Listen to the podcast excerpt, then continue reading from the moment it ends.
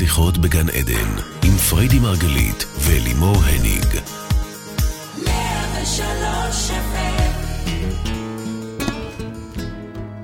שיחות בגן עדן, תוכנית על התודעה, חיים ומה שביניהם, אנחנו כאן איתכם אולפני רדיו 103 FM ורדיו 104.5 צפון, בוקר טוב לכולכם, איתכם אלי מורניג.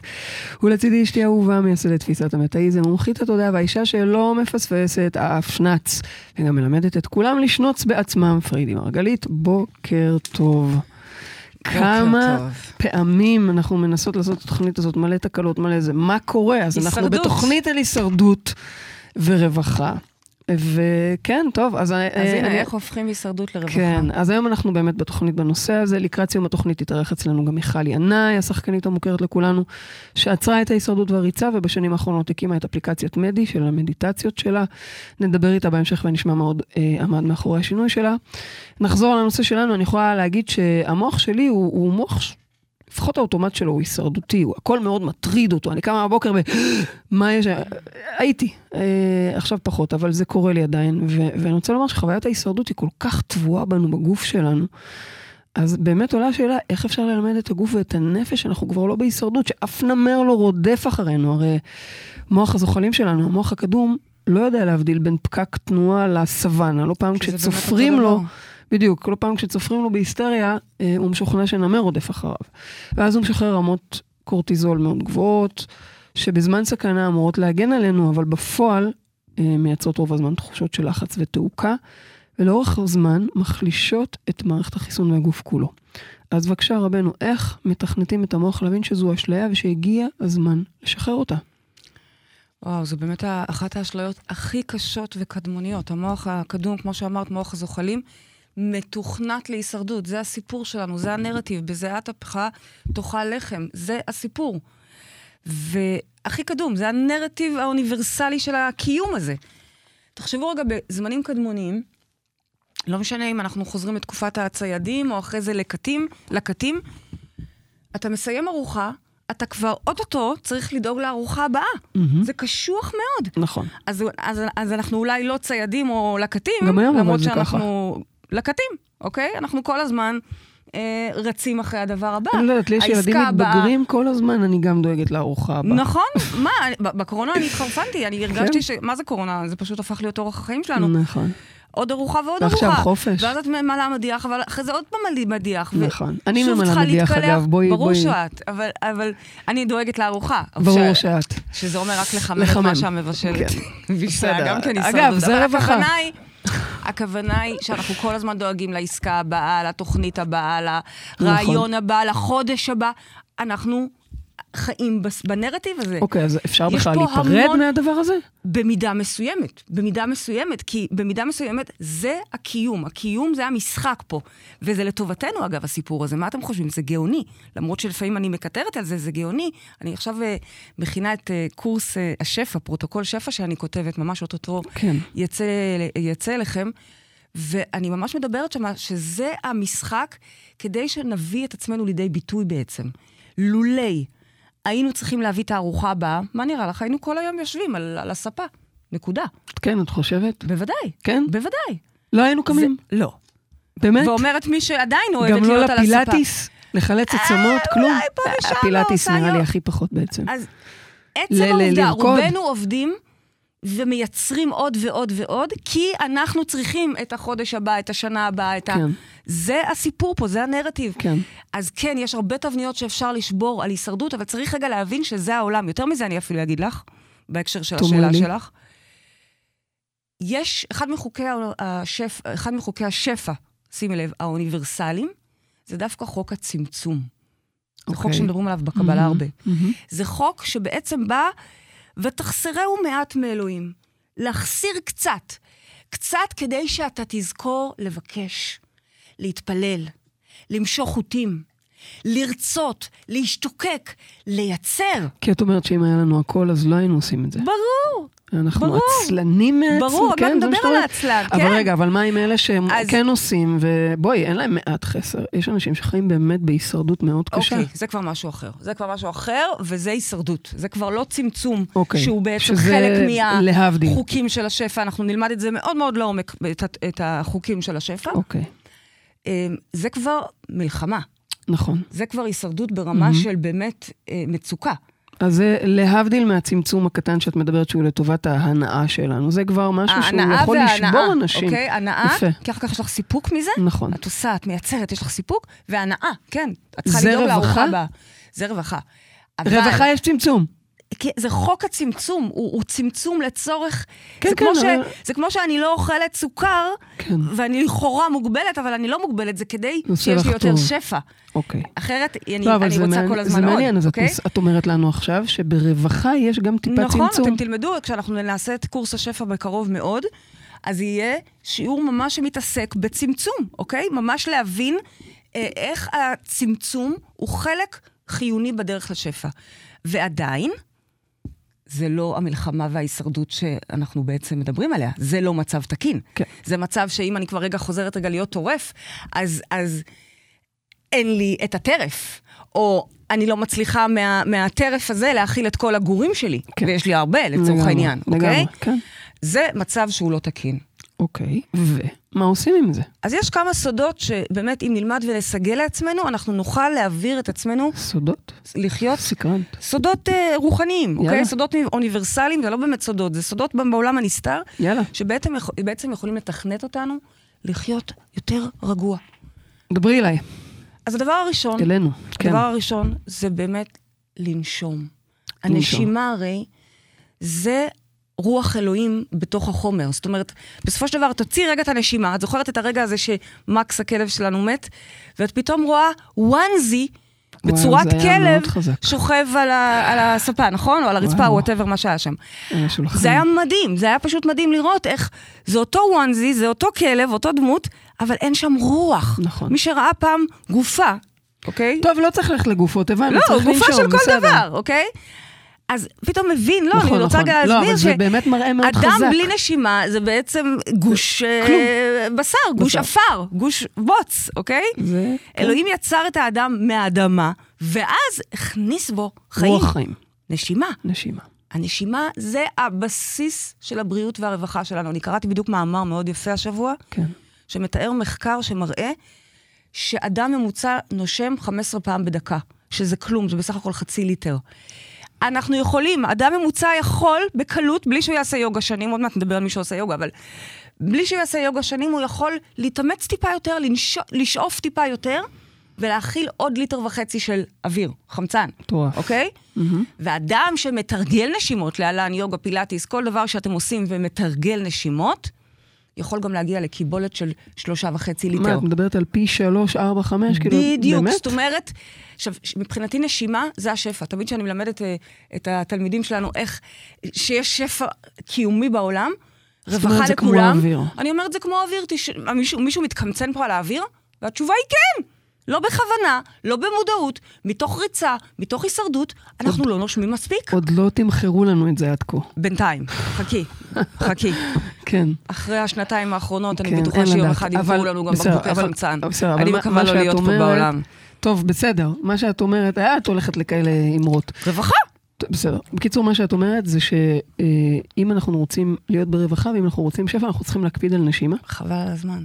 כן? בדיוק. כי אם אני לא תחשבי נושמת שיש לך מספיק עמוק, קיבולת הרבה יותר גדולה, ואת לא נושמת מספיק עמוק. כי אם אני לא נושמת מספיק עמוק, ואני נושמת מעט חמצן, אני רוצה פשוט רגע לה- להדגיש את מה שאת אומרת פה, בסדר? בטח. את אומרת פה מעבר לתנשמו. את אומרת פה מעבר לזה בריא תנשמו. את אומרת שזה משפיע על כל רמת השפע וה- וה- והרווחה שלנו. כי הרווחה מתחילה בתאים. אוקיי. ברגע שמגיע חמצן, הוא מתורגם על ידי הגוף, כל מרכז אנרגטי בעצם מפרמט, מתרגם את החמצן הזה מש, עם הצבע שהוא יודע לראות דרכו. אם זה מרכז הביטחון, אז זה כסף. אם זה מרכז ה- ה- ה- הלב, אז זה אהבה.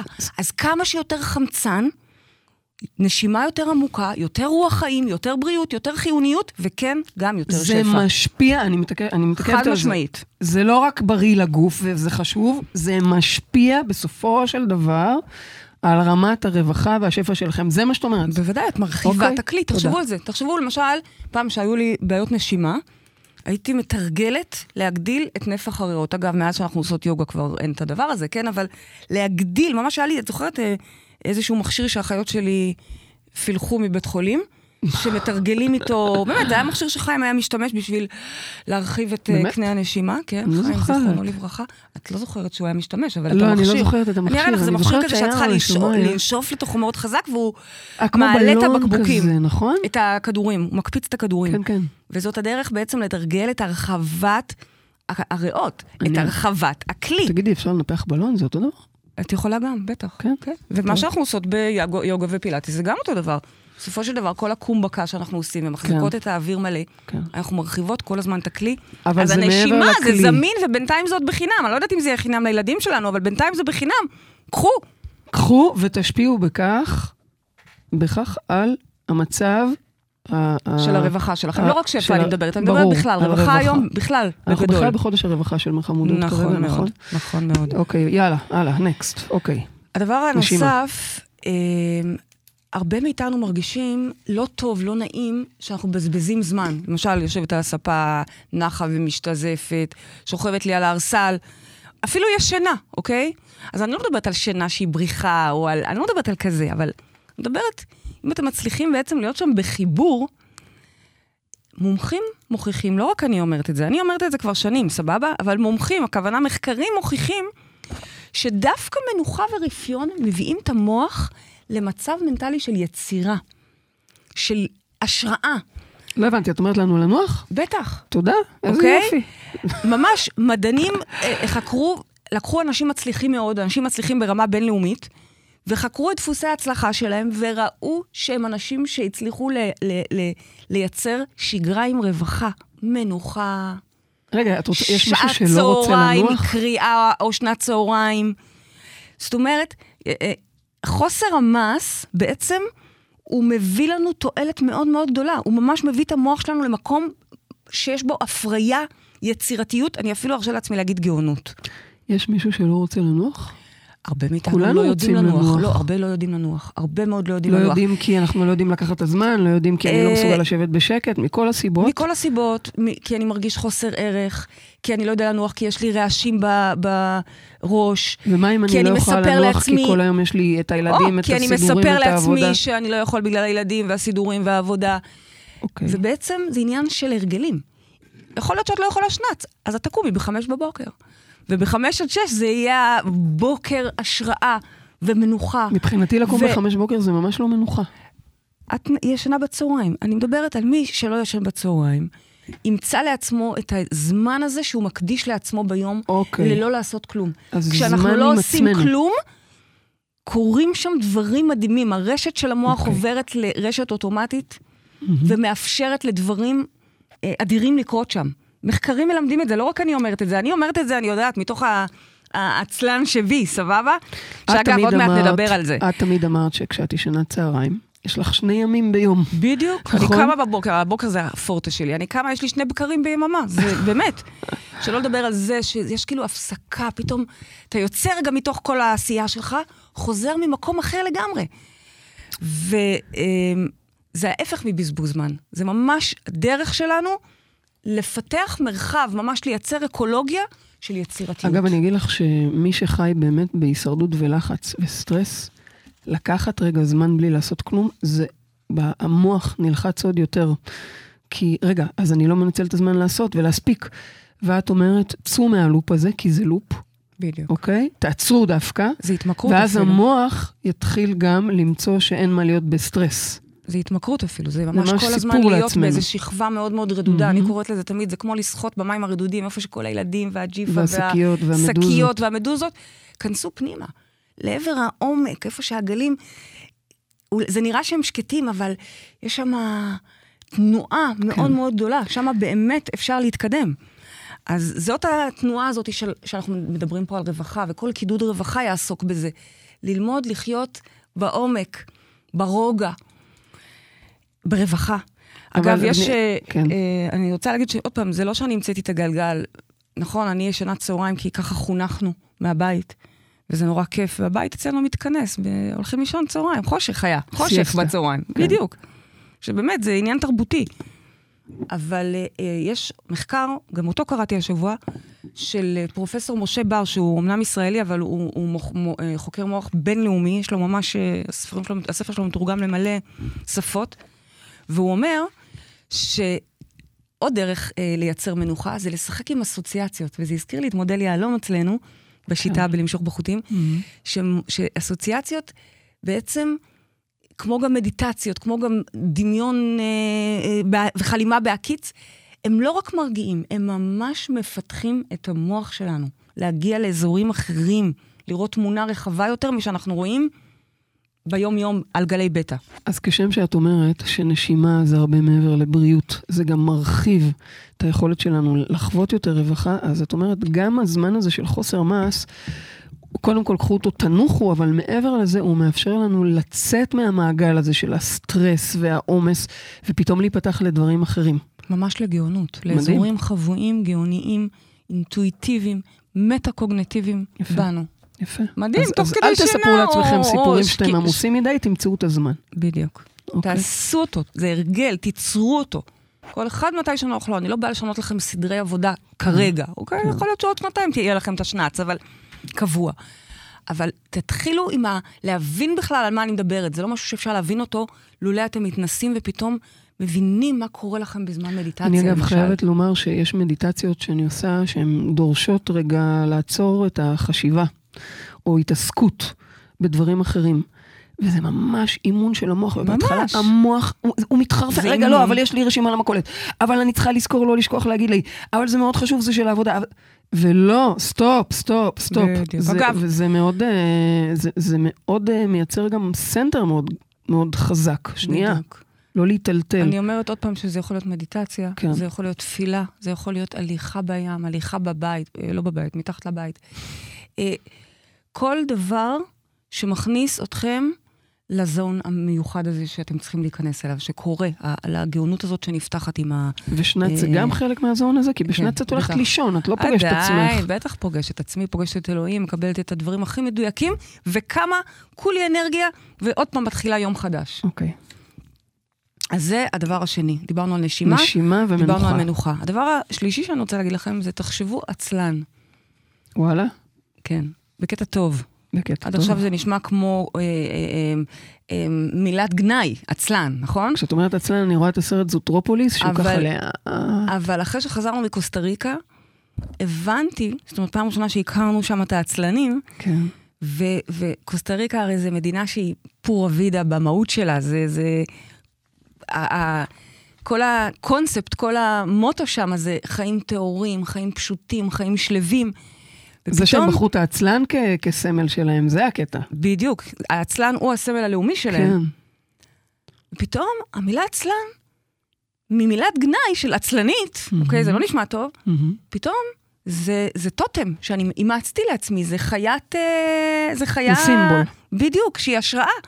כי מי שלא יודע, העצלן, מעבר לזה שהוא איטי והוא הולך מאוד מאוד מאוד לאט, אוקיי? במצב של סכנה, הג... מקסימום הוא יכול להגיע לארבעה וחצי קילומטר בדקה. ממש, באמת? כן. ממש ממש איטי.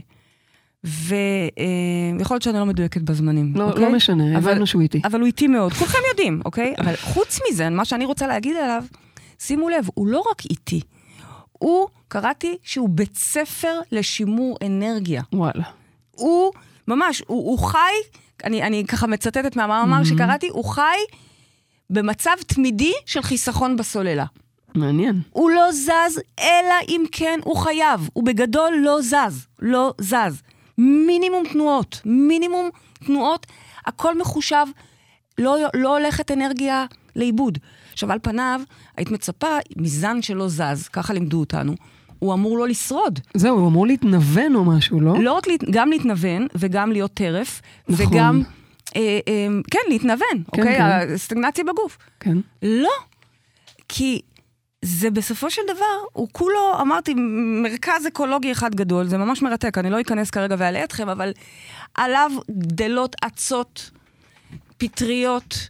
באמת? חבל על הזמן, והוא מזין... עליו גדלות אצות כן, ופטריות? כן, והן מזינות, שיעור ב- כן. והן מזינות אותו, והוא ניזון מהם. זאת אומרת, יש שם ממש חילופים והזנה. משותפת, וזה מדהים. אז זאת אומרת, הוא לא לא עושה, הוא פשוט עושה את זה בצורה חסכונית. מה שנקרא צדיקים מלאכתם נעשית בידי אחרים. כן, הוא צדיק על העצלן. יש ממש אה, אה, אה, אזור שלם ש, שמפותח על גביו, ובעצם הוא אה, כל הזמן, יש תנועה של אנרגיה מבלי שהוא יזוז בעצם. מה את אומרת לנו בזה? בואי, בואי קחי אותנו ל- אני אומרת, לדרש. מזכיר לי את מה- ה... בקידוד רווחה אנחנו מלמדים את החוק הזה שדינה נבות, חברת הקהילה שלנו, המציאה, אה, חוק המאמץ המזערי. כן, נכון? את זוכרת אותו? בטח. זה היה עוד הרבה לפני שנטע ברזילי הביאה את השיר אפס מאמץ. נכון, וזה גם, אה, כן. אז- עוד אפילו לפני שקוסטה ריקה הפכו את העצלן לסמל שלהם. יפה. כן. וחוק המאמץ המזערי מדבר על מינימום אנרגיה אה, מבוזבזת. אנחנו לא סתם שורפים אנרגיה. כן. הכל ממוקד, הכל מדויק. זה תנועה מאוד מאוד מדויקת. אגב, אני רוצה להגיד ששם גם נמצאת ההגנה שלו. את יודעת מה הקטע שלו? בגלל שהוא תלוי בצורה כזו על העצים, הוא, זה לא נדרש ממנו מאמץ, הוא כאילו נשען על העצים. הוא לא באמת טורח להחזיק את עצמו. הוא לא מתאמץ בשרירים להחזיק את עצמו, כי הוא נשען על זה. וואלה. אני, לפעמים כשאנחנו קצת מדברים, אני לא זוכרת באיזה קידוד זה היה, שאנחנו דיברנו על עמידה נכונה, אז יש עמידה שהיא מחזיקה אותך, אתה לא הולך ועובד קשה, החיים נושאים אותך, אתה על כנפי נשרים. אז יש הרבה מאוד מה ללמוד מהעצלן, אני לא ארחיב על זה כרגע, אתם יכולים לקרוא על זה וזה מאוד מאוד מעניין, אבל תחשבו עצלן, לא לא לבזבז אנרגיה. בקיצור, את. מדברת על זה כל הזמן איתי, שאני נוסעת ובאה ונוסעת ובאה. בדיוק, הנה, אני אתן את הדוגמה, נו, כן. אז תני את אלימור הדוגמה, זה היה יכולה ברור. להגיע אליי הביתה, ובבוקר, בהתרגשות, עושות פילאטיס, ואז היא חוזרת הביתה שלה, לא יודעת מה, לארגן איזה משהו לילדים, חוזרת אליי לפגישה, טוב, חוזרת לילדים דקה, אבל- בצהריים, חוזרת אליי לשנות צהריים, חוזרת... וואו, למה? ממי, תארגני את הכל מראש. ת... מינימום תזוזות. שוב, אומרת מישהי שהיא באמת מומחית בעצלנות, אני פשוט לא ידעתי כאילו, את מחמיאה לעצמך על העצלנות שלך, זה מה שאת אומרת כן, כרגע. הבנתי המורה. ליוגה לא מחמיאה לי שאני לא עושה תנועות מיותרות? היא גם כמה פעמים... אני לא שמעתי אותה, אני צריכה להעלות לכולם את התמונה שכולם עומדים ביוגה, או. ואת שוכבת, גברת. או, הנה. אני לא יודעת, טוב. זה- הנה, טוב, דוגמה. יש לנו כבר מאזינה על הקו, אני מתקדמת. אני לא רוצה להיכנס לנושא היוגה הזה. אני חייבת להעלות להם את התמונה, תמונה מעולה. יאללה, כולם. עומדים שם, נכון. ופריידי טוב, זה היה מרגלית יום שוכבת שהייתי על ה... נטולת כוח, אפרופו עצלן, אוקיי? שוכבת ומרימה את הרגל. לא, זה היה אחת התמונות. מעכשיו זה. עצלן, עצלן זה טוב. טוטם טוב וגבוה, תראו את האור שלא שבו. מבזבז אנרגיה. מקסים, אני. אוהבת את זה. טוב, אז אה, יש לנו כבר מאזינה על הקו, ועוד מעט גם נדבר עם מיכל ינאי. בוקר טוב, מי איתנו על הקו? היי. שלום. בוקר טוב. מי? לבנת. בוקר טוב, לבנת, מה שלומך? בסדר גמור. לבנת, האם את עצלנית? שישע אותי השיחה הזאת. עכשיו את גם מבינה ש... עכשיו את גם מבינה ש- שעצלנית זה לא מילת גנאי. אה, כנראה שלא, אם כי ביני לבין עצמי אני מחמירה עם עצמי, כן? אבל אני נעה בין הסקאלה של ה-too much ל-less.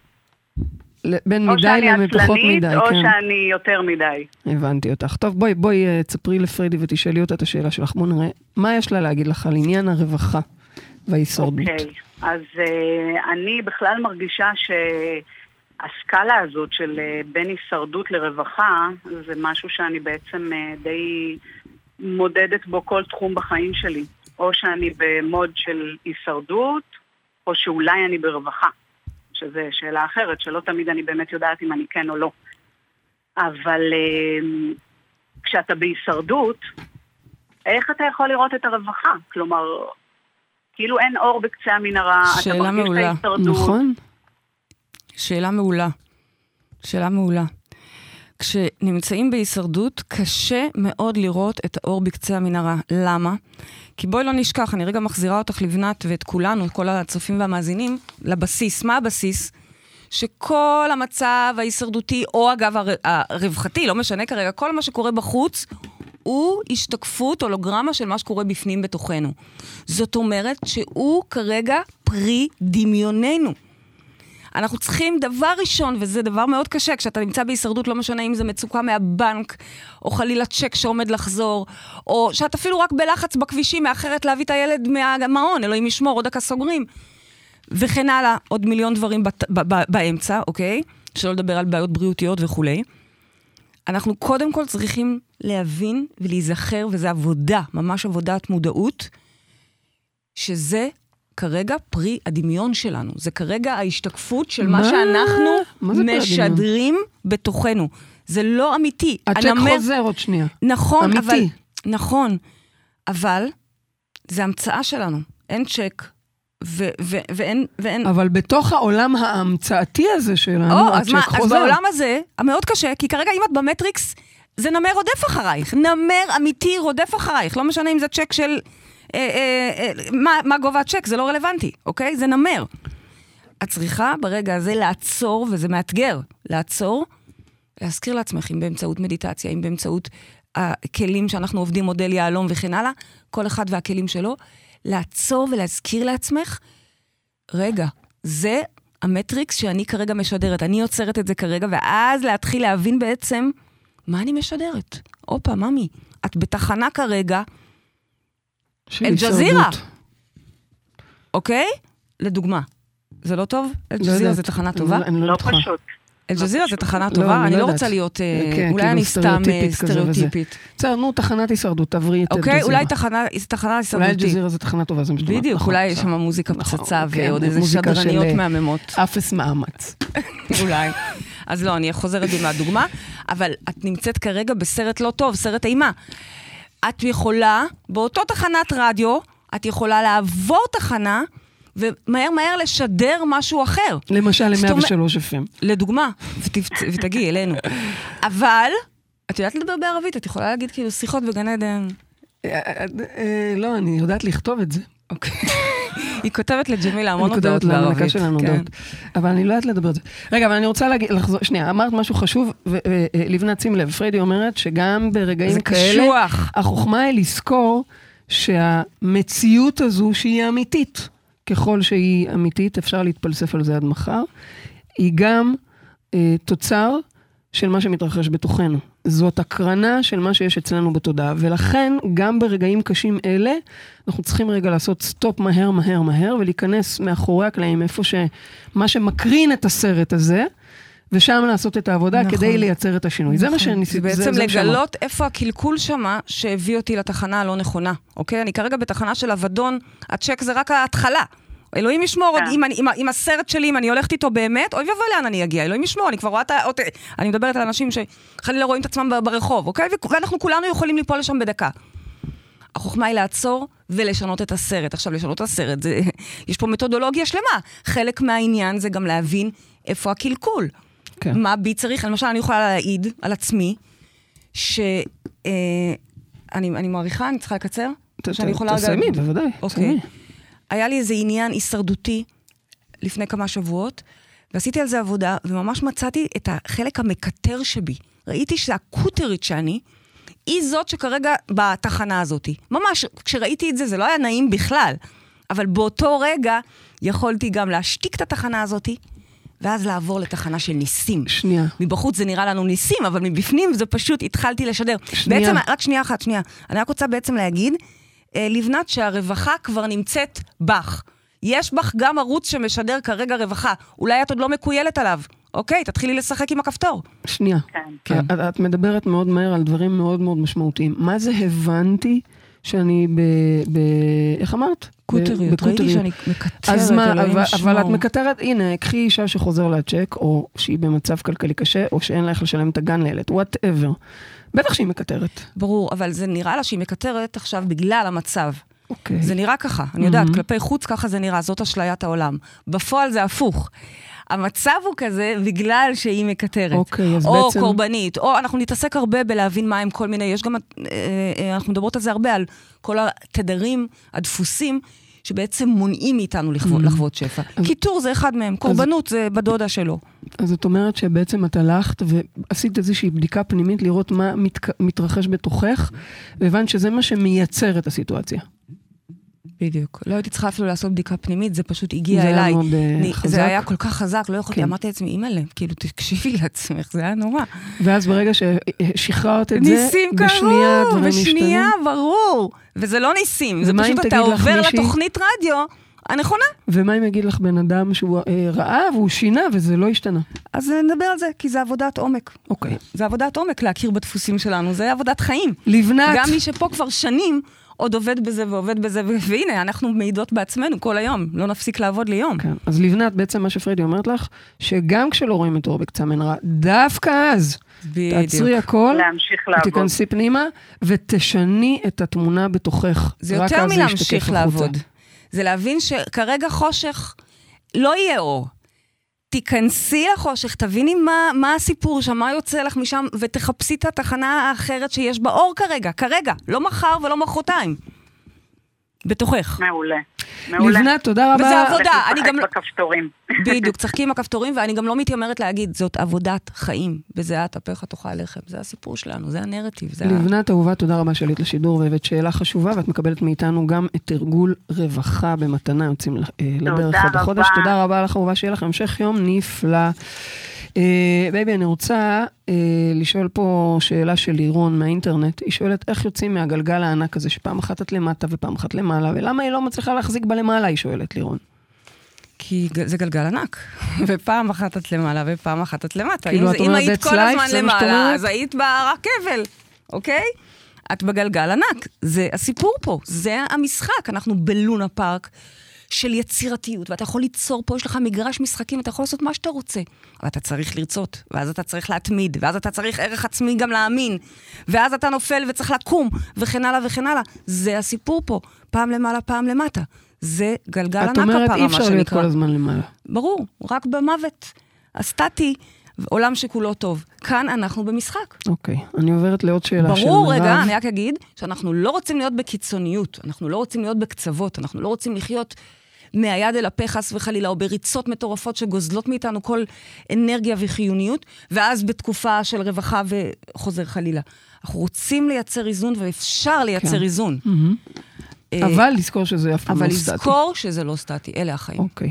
מירב כותבת אה, שההישרדות היא כל כך לא כיפית, היא מלחיצה עם מעט סטרס, אה, ועדיין, והיא ממכרת, היא אומרת, ממכרת. ועם זאת, איכשהו אנחנו מפרשים אותה כהספק, כהעלאה בתחושת ערך. היא אומרת, הרווחה נתפסת לנו כמותרות, כפינוק. אז איך נושמים ומווסתים את מרוץ החיים, יום היא שואלת. Uh, המילה התמכרות, זאת המילה.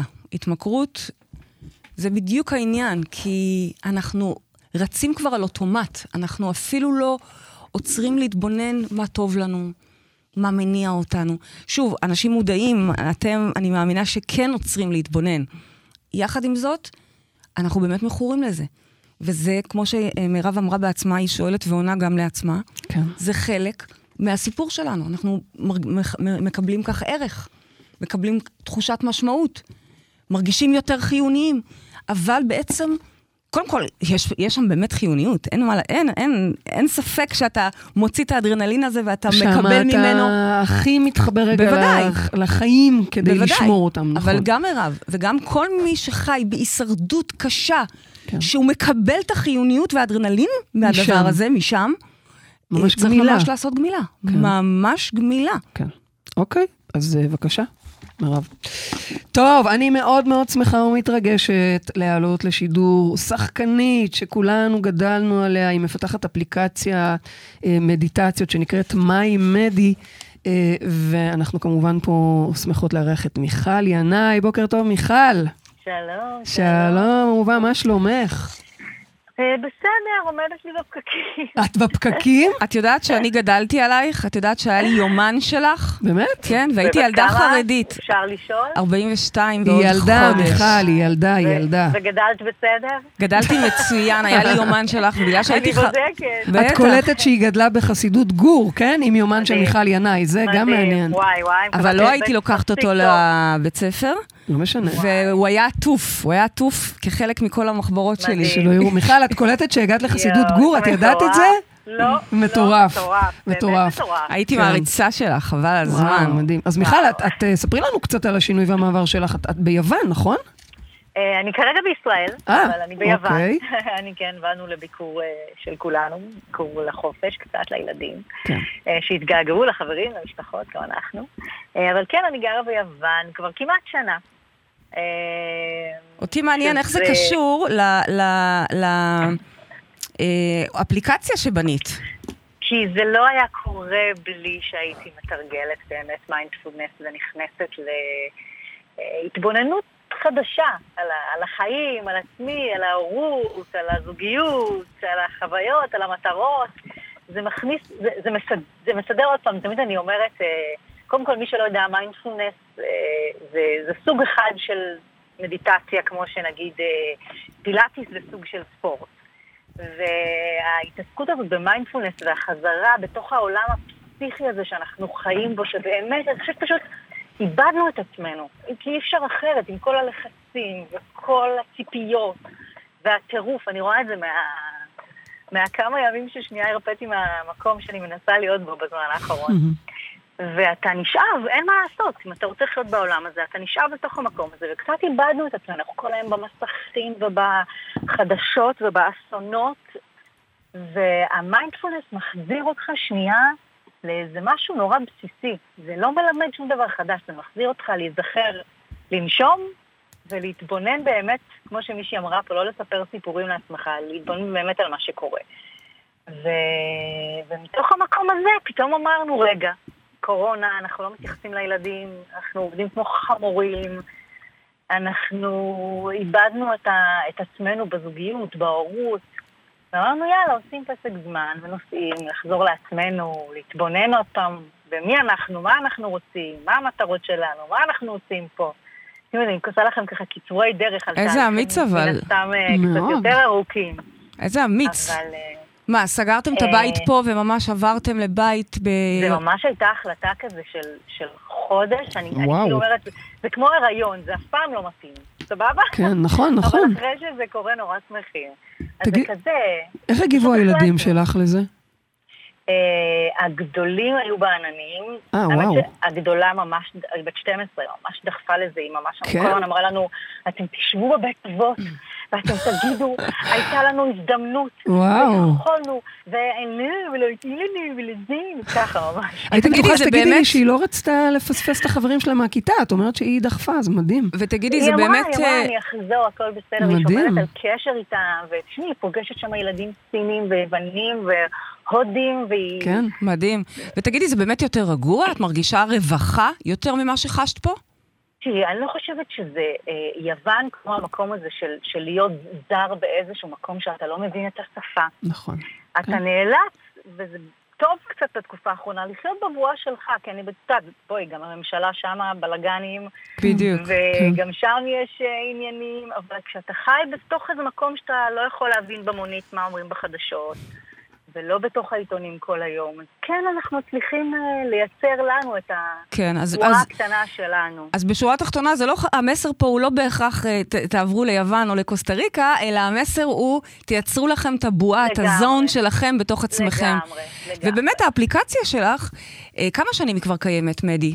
אה, היא ממש לפני הקורונה, בסוף 2019. מדהים, וואו. אני זוכרת, ש... אותה. אני זוכרת שכשראיתי אותה בתחילת הקורונה, אמרתי לעצמי, וואו, איזה תזמון פצצה. כן, זה יצא ככה. אה, ו- גם, גם לא רק זה, יש בה באמת מלא מלא מלא מלא מדיטציות. נכון. מתי הספקת את כל זה? אה, עליתי בהתחלה עם לא עם הרבה, וזה פשוט אני כל הזמן, אני כל היום יושבת. את יושבת בבית, יש לך כזה. אולפן קטן ועושה? יושבת בבית, כן. וואו, יושבת כי באמת ו- יש מלא. וכותבת ואוספת חוקרת ומוצאת, אני כל הזמן אומרת, אני, אני לא המצאתי שום דבר, אני רק איזה ברור, אנחנו... צינור אבל... של קיצור דרך. מקסים. לשלוש שנים של מחקרים, במקום להושיב אותך עכשיו ולתת לך לחפש ולקרוא, אני כן. בעצם מדהים, עושה את כל התהליך הזה. מדהים. כן, וזה מאוד מרגש, אני מקבלת כל היום הודעות מאנשים, מ- מכל הגילאים אגב, שזה גם עוזר להם להתרכז, וזה גם עוזר להם להיות שמחים יותר ולישון יותר טוב בלילה. ו- באמת אה, יש שם מגוון של תכנים במגוון נושאים למגוון גילאים, זה מאוד מאוד יפה, היא באמת אפליקציה מאוד עשירה. מאוד איכותית גם. תודה, תודה. ואני אני אספר לכל המאזינים והצופים שלנו, שקודם כל אפשר להוריד את זה בחנות האפליקציות, נכון? זה, נכון. אני זוכרת שזה חינמי אפילו. נכון, זה איך- נקרא מיי מדי. מיי מדי, אוקיי? נכון. אה, ו- ו... וזה באמת, יש גם section לילדים. בדיוק, אה, לכל מיני שלוש נושאים. עד עשר, נכון. ו- ויש לנשים להעצמה, ויש אה, לנשים אחרי לידה ובהיריון, ויש לבוקר ולערב. מהמם, ובאמת ואו-טו-טו... הרעיון, הרעיון הוא באמת שפשוט אנשים יחזרו קצת אה, להרגיש איזו שמחה פנימית, ושנחזור לעצמנו כן. ולהיזכר במה אנחנו אוהבים ומה אנחנו רוצים. כך אנחנו עם הילדים, והמטלות, והעבודות, והחיים, והשגרה שהיא שוחקת, אין מה לעשות. נכון, בעצם את אומרת, במקום לפתוח עיתון או לראות עוד פעם חדשות, תפתחו את האפליקציה, תעשו מדיטציה. קחו כן. לכם רגע. חמש דקות, צריך רק חמש דקות. בדיוק, חמש דקות. אה, ואני אגיד לכם, לצופים והמאזינים שלנו, קודם כל תורידו את- את האפליקציה. בקרוב יהיו שם גם מדיטציות שלנו, שאנחנו נעלה נכון. לאפליקציה. אה, יש שם אושר מאוד מאוד גדול, אושר בעין ואושר באלף. אה, מיכל ינאי, אני רוצה אני- אולי אני אייצר לכם כזה קוד עכשיו, ואז גם, אה, כי אחר כך מי שרוצה יכול לעשות ממנוי, ואני אעשה לכם מין קוד כזה שהכל מצוין. ייפתח. נגיד לכם. כבר מהו, או שתוסיפו את זה אחר לא, כך? אחר כך נוסיף את זה. יאללה, בסדר. אם את רוצה, את יכולה להכניס את זה עכשיו, קוראים לזה, הקוד יהיה גן עדן. יאללה. היא כבר עליי. אמרה גן- לך. גן זה עדן הקוד. ב- באנגלית. גן. עדן באנגלית. זה הקוד שלכם, זה יופי. הקוד שמכניסים בניהול פרופיל, וזה יפתח לכם את אנחנו. גם נשים לכם לינק. אה, בכל מקום כדי שתראו את זה ותוכלו להוריד, וכאמור, אתם יכולים פשוט להיכנס לחנות אפליקציות. מיכל, אני רוצה לשאול אותך שאלה אחרונה, מה זו רווחה כן. בשבילך? אה, רווחה, אני חושבת שזה באמת היכולת לבחור. אה, כשאני חושבת שאתה נמצא במקום שאתה יכול לבחור, אז אתה, ב... אני, אז ב- באיזושהי רווחה. את מרגישה כי- היום יותר רווחה מ- מה- מהחיים הקודמים שלך, של החיי במה, זוהר, אה, צילומים, ריצות? אה, גם היום- אני- גם היום היא אני- בצילומים. אני, כן, אז זהו, אני רצה, אני מגיעה המון לארץ, ואני חושבת שהכיף והמזל שאני מצליחה לשלב, אני קוראת לזה בין האש של ישראל, המים של יוון, וליצור איזה איזון. מקסים. אה, וזה מה שאני חושבת ש- שאנחנו צריכים איכשהו לייצר לעצמנו, את ה- את האיזון הזה ואת האיי שקט שלנו בתוך כל הרעש, כי כי זה באמת קשוח, ואנחנו... כן. מה ביקשנו? קצת שקט. בדיוק. אין קיצור, ספק שמדיטציה. זה קיצור דרך, אין ספק. זה ממש סיכום ממש. של כל התוכנית שלנו הזאת היום. איזה כיף. טוב, מיכל ינאי, תודה רבה רבה, תודה, איזה תודה. כיף שעלית וממי, איתנו אה, לשידור. תקפצי עם הילדים. בדיוק, תבואי לבקר. יש לנו בדיוק באותם אני- גילאים. אל תאיימו, אני אבוא. אני תבואי. 12, 13, 14, הם כל. היום בבריכה, הם לא עושים שום דבר חוץ מבריכה, וכל היום ארוחות, עם האוכל, עם האוכל. מצוין, בדיוק. אז אז יאללה. אותי, תוציאי לי את אה, הכרטיסייה. מיכל, זה קוד. גן עדן, מיכל. קוד גן עדן. באנגלית. אותי. תודה רבה, מיכל ינאי, ביי, אפליקציית. מיי מדי, תודה, להתראות. טוב, איך הרצתי אותה? באמת? יואו. איזה קטע, פתאום- היא מבינה שיומן מיכל ינאי היה ב... אמא שלי עטפה לי את זה שלא באמת? יראו. זה לא היה בגיל שלי. והיא גם לא רצתה לקחת את זה לבית ספר, אבל עדיין היא עטפה לי את חמודה זה. אמא שלך. מה שלי, אחר כך היא תגיד לך שלא היית צריכה להגיד את זה. בתוכנית. לא, היא מדהימה, אמא שלי. זה ברור שהיא. מדהימה. אבל... היא הלכה אה, איתנו תמיד, פשוט הלכה איתנו תמיד. באמת, כן, זה כן. ממש מדהים. טוב, אז תגידי, אה, אנחנו לקראת סיום התוכנית שלנו. מה המשימה שלנו השבוע? האמת, לנשום. האמת. לנשום. פשוט לנשום. אני רוצה שתקדישו לזה זמן, תתרגלו נשימות, בין אם אתם תיכנסו לוידאו של אה, אה, וירו ותעשו איתה רגע יוגה, בין אם זה ביוגה או בפילאטיס שאתם עושים. כל אחד בדרך שלו, בין אם זה להוריד את האפליקציית מדי ולעשות מיי מדיטציות, מיי מדי, לעשות מדיטציות בלי אפליקציה, לעשות קידוד רווחה, כל דרך שתעזור לכם לנשום. אז רגע. תתחילו עם להכניס יותר חמצן, להרחיב את הכלי הזה שנקרא הגוף שלנו. אז אם כבר הזכרת את ארגון רווחה, אז אני אגיד על זה כמה מילים. אנחנו מאוד מאוד מאוד אה, רוצות להזמין אתכם להצטרף אלינו לתרגול הקרוב, אה, ממש בראשון הקרוב, נכון, תרגול רווחה, נכון, אנחנו נכון. נלמד ונעמיק לשם. אם אני אסכם את כל מה שדיברנו, אז אמרת שאנחנו צריכים לדאוג לנשום, לדאוג לנוח, וקראת לזה עצלן, אבל בעצם דיברת לשמר את האנרגיה שלנו. וכל עוד אנחנו נושמים כמו שצריך, ונותנים לעצמנו זמן מנוחה, שזה זמן הירגעות והתפתחות, ודואגים לשמור על האנרגיה שלנו, את אומרת, המציאות, ההולוגרמה, תתחיל להתעדכן בהתאם. נכון. קודם כל זה יתחיל במוח, גלי מוח נעימים ונוחים. כן. אני עכשיו, אגב, מגיע, מרגישה עם הקידוד, את זה מגיע, אחרי תקופה שהכי ההפך מ- כן. מרווחה. כל הריצה כן. הזאת, אפילו קוסטה ריקה וכל הבלאגן הזה, זה... ו... עכשיו, קידוד רווחה, שלא תטעו, כן, אני לא רוצה להטעות אתכם, זה אולי נשמע מאוד מרווח ונינוח וסקסי, בפועל הוא מציף, מציף. ומנקה שכבות על שכבות של הישרדות קדמונית, כזו שאפילו לא הכרנו בעצמנו, שלא הבנו מאיפה היא מגיעה, סטרס וכל מיני... כאילו, אה, את אומרת, זה לא שזה הולך אה, להיות לכם שבוע כזה fun, אחרי הפוך, הוא. מציף את כל מה שהוא כן. אנטי fun לצורך. אנחנו נראה את כל זה- ההישרדות, אנחנו נראה את כל הלחץ, אבל זה במכוון כדי לנקות ולעבוד על זה, ואז בינתיים מוטמע קוד של רווחה, אנחנו אחרי זה נרגיש פירות, את הפירות, בדיוק. את הרווחה. קידוד כל חובה לכל מי שלא יודע הזה- לנוח, בואי נגיד ככה, וכל- לכל, לכל מי שחי בריצה, לכל כל מי שחי בלחץ אה, ובהישרדות. גם מי שלא יודע להיות בסבלנות. אגב. נכון. אני לפעמים, נכון. שנייה, תנוחי כפרה. אז כן, יש הרבה עבודה לעשות, ובכלל, אנחנו נדבר בכל התוכניות הקרובות, בכל החודש הקרוב, אולי אפילו תקופה הקרובה, על שפע ורווחה. אז בדרך כלל אנחנו שמות הללויה לסיום, אבל הנה ביקשת. השיר אפס מאמץ ברקע. נטע ברזילי. נכון, הגענו לסיום התוכנית שלנו, תודה לרדיו 103 FM ורדיו 104.5 צפון, תודה לעורכת מירה פרץ ולטכנאי השידור יובל גלבוע ובני ש- שאולסקי. אוקיי, אמרתי נכון, אתם כאלה מקסימים, תודה. אה, תודה לכל מי שהתקשר, תודה למיכל ינאי, תודה לכם מאזינים וצופים יקרים, תודה לך, אהובה שלי פריידי מרגלית, אנחנו ניפגש פה בשבוע הבא. וכמובן עד אז תנשמו, תנוחו, תשמרו על האנרגיה ותזכרו שגן עדן זה כאן. הללויה. הללויה. לא צריכה לעבוד קשה. אה, אה, אה. אל תפחדי שיגידו שאני mess, כי את class באפס מאמץ. באפס מאמץ.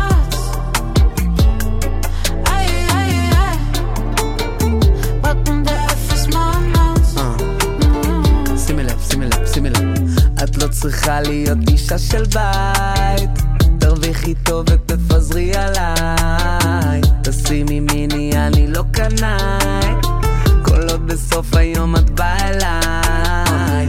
את לא מתאמצת. למה? באמת לא צריך, לא צריך. בבוקר תקומי, יהיה לך ליד המיטה כבר קפה וכריך. יבוא יום ויהיה לנו ילד, ואם הוא דומה לך אז בטח חתיך. מאלה שמכבדים את אמא וכולם אומרים עליו איזה נסיך. נשמה. בלי הימור איתך בדוק שלפתי אס. מרגיש די על אוויר, הזמן שלנו טס. מתהלך איתך ברוטשילד כמו טווס. כי את class ב fucking אפס מאמץ. זה באפס מאמץ. באפס מאמץ. זה יפה לך ממש. זה באפס מאמץ.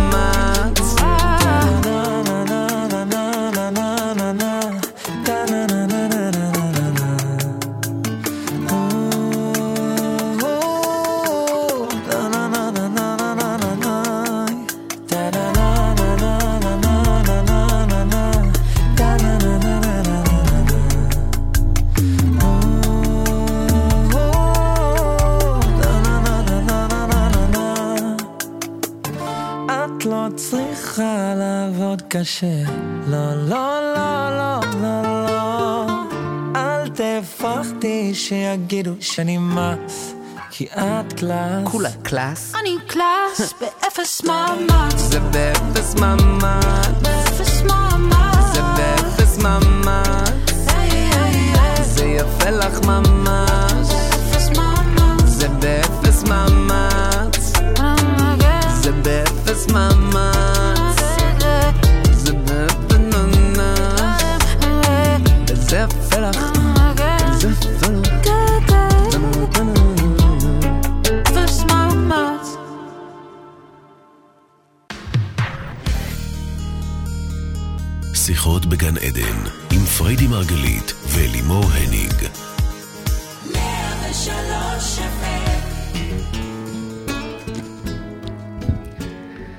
בוקר אור, וברוכים הבאים אלינו לאולפני רדיו 103 FM ורדיו 104.5 צפון. אנחנו כאן בתוכנית שיחות בגן עדן, תוכנית על התודעה, החיים ומה שביניהם.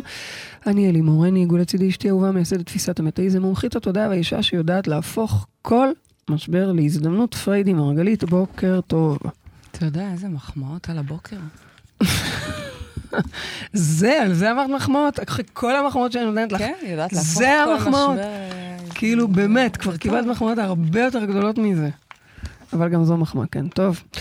אה, אני בדרך כלל לא אה, באה בתדר הזה ומדברת את הדברים האלה, אז בדרך כלל את ואני אומרת לך, די, תפסיקי. אבל כן, אני אתחיל ואני אומר שאנחנו בימים של משבר, התחלה של מיתון. כל השנים האחרונות מלאות במשברים בהרבה מאוד היבטים, חווינו המון חוסר ודאות וסגרים, ו... לא רוצה להיכנס לעניינים של חיסונים, לא חיסונים, עסקים שנסגרו, או כאלה שמשלמים עכשיו את המחיר. אה, וגם אם כרגע נראה שאנשים כאילו דווקא בסבבה וקצת נפתח, אבל בסוף יש עליית מחירים מטורפת והישרדות קיומית, ממש מרגישים אותה בכל מקום, היא דופקת ממש בפתח של, של כולנו. מחירי הדירות, מחיר, באמת, לאן, ש, לאן שלא מסתכלים. אוניברסלי, עולמי לגמרי. ממש, והכי קל לעמוד מהצד ולחכות בציפייה שהמשבר הזה יחלוף, מאוד קל לשבת על הגדר, מה, מה אפשר לעשות כאילו על פניו. אבל לשיטתך, דווקא תקופות לחוצות, הן ההזדמנות שלנו להוביל שינויים וצמיחה.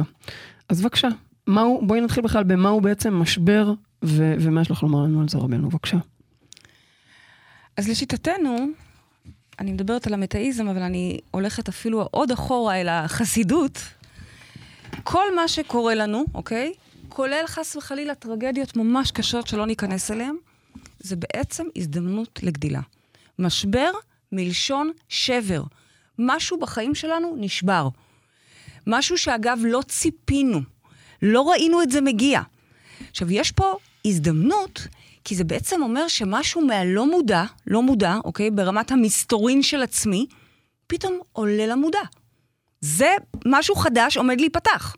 יש כאן הזדמנות, אם מבינים את זה רגע נכון, לבקר באיזה מחוז חדש באישיות שלנו שעוד לא הכרנו. את תמיד באמת אומרת שכל משבר הוא בעצם הזדמנות יזמית למי שיודע לזהות, להקשיב, ליזום, ובעצם להיות פרואקטיבי ואף אופטימי. נכון, נכון, אני תמיד אוהבת להביא את הדוגמה על אבא שלי, שיום או חודש, אל תיקחו אותי על המילה, ימים. אבל מיד אחרי נפילת התאומים בארצות הברית, זוכרת? 2000 ומה זה היה? 2000 ו... איזה 2000? אה, 91. כן? כן, נכון? 9-11, 91, לא משנה. איזה שנה זה היה? 9-11.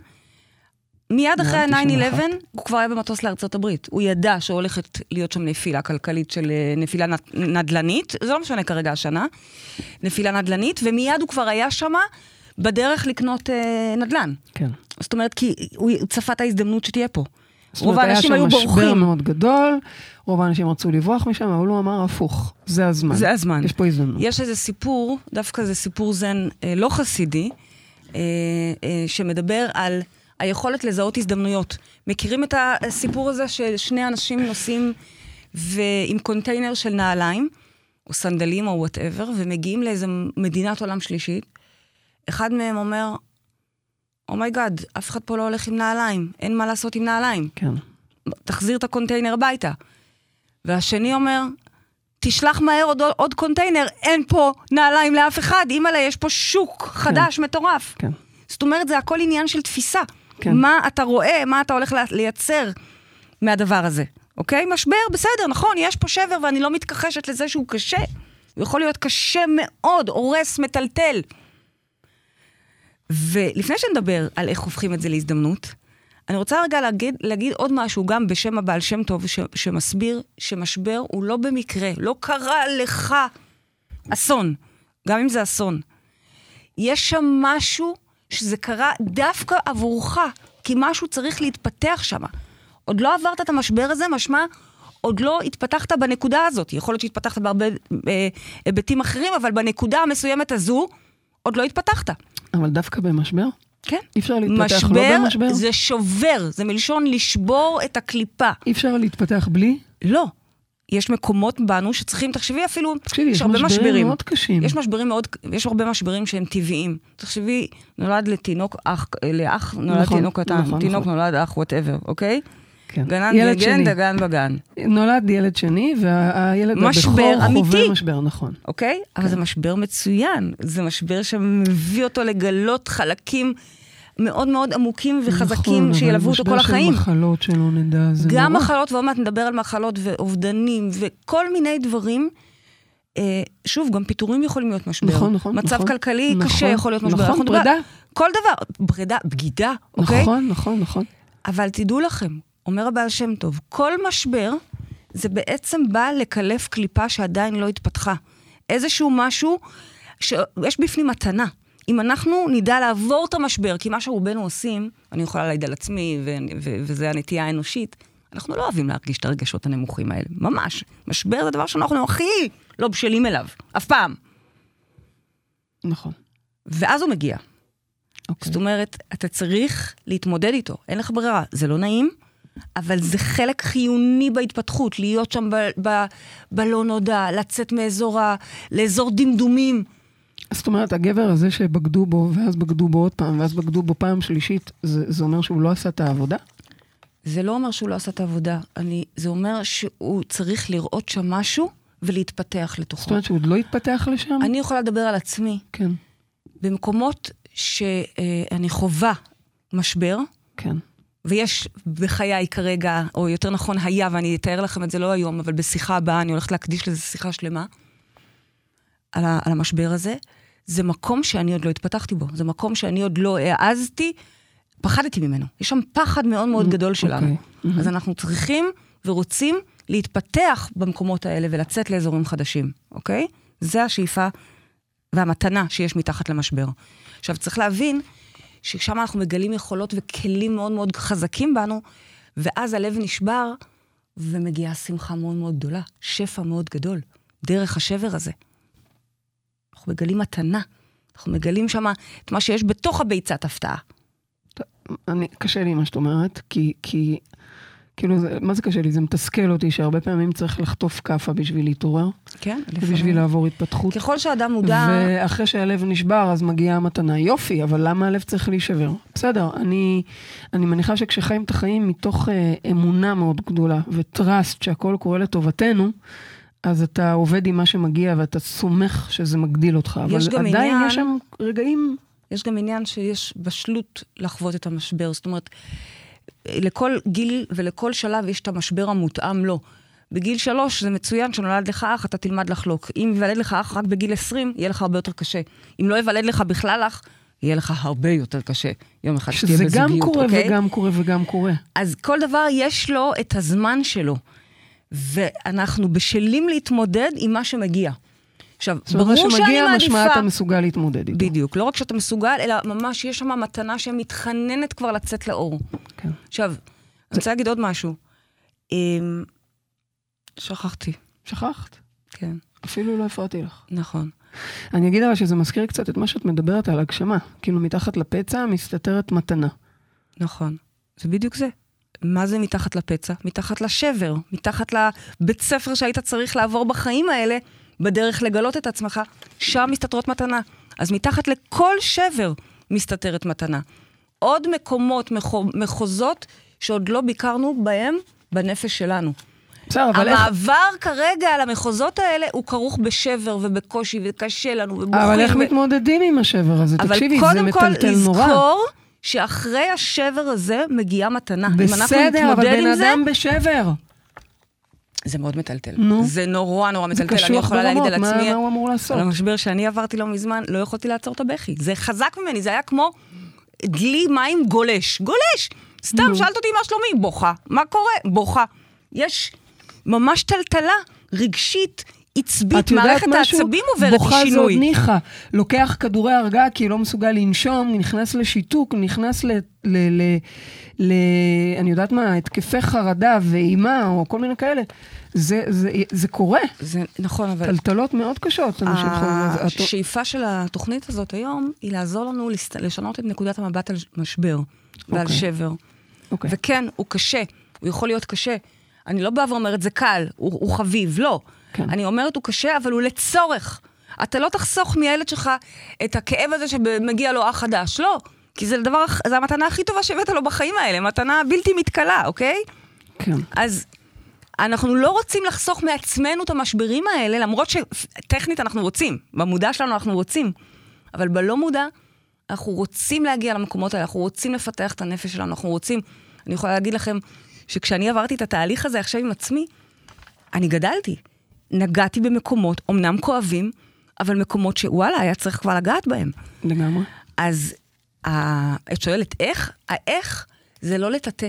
זה לא להדחיק, זה לא למהר לארגן את השברים. אגב, זאת הנטייה שלי והנטייה האנושית שלנו, אנחנו הרבה יותר אוהבים הרמוניה. אני לא יכולה, לא יכולה שכועסים או שרבים או ש... לא יכולה.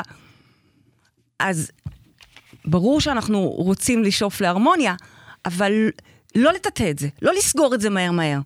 יצא לי לא מזמן לשבת עם אה, אחת הבנות המחלימות, כבר בריאה לחלוטין, במחקר, ו... במחקר, במחלקה האונקולוגית. באונקולוגית, כן. כן. והיא סיפרה לי איך כשהיא חלתה, ישר רצתה לטאטא את זה, והמשיכה לעבוד כאילו כלום לא קרה.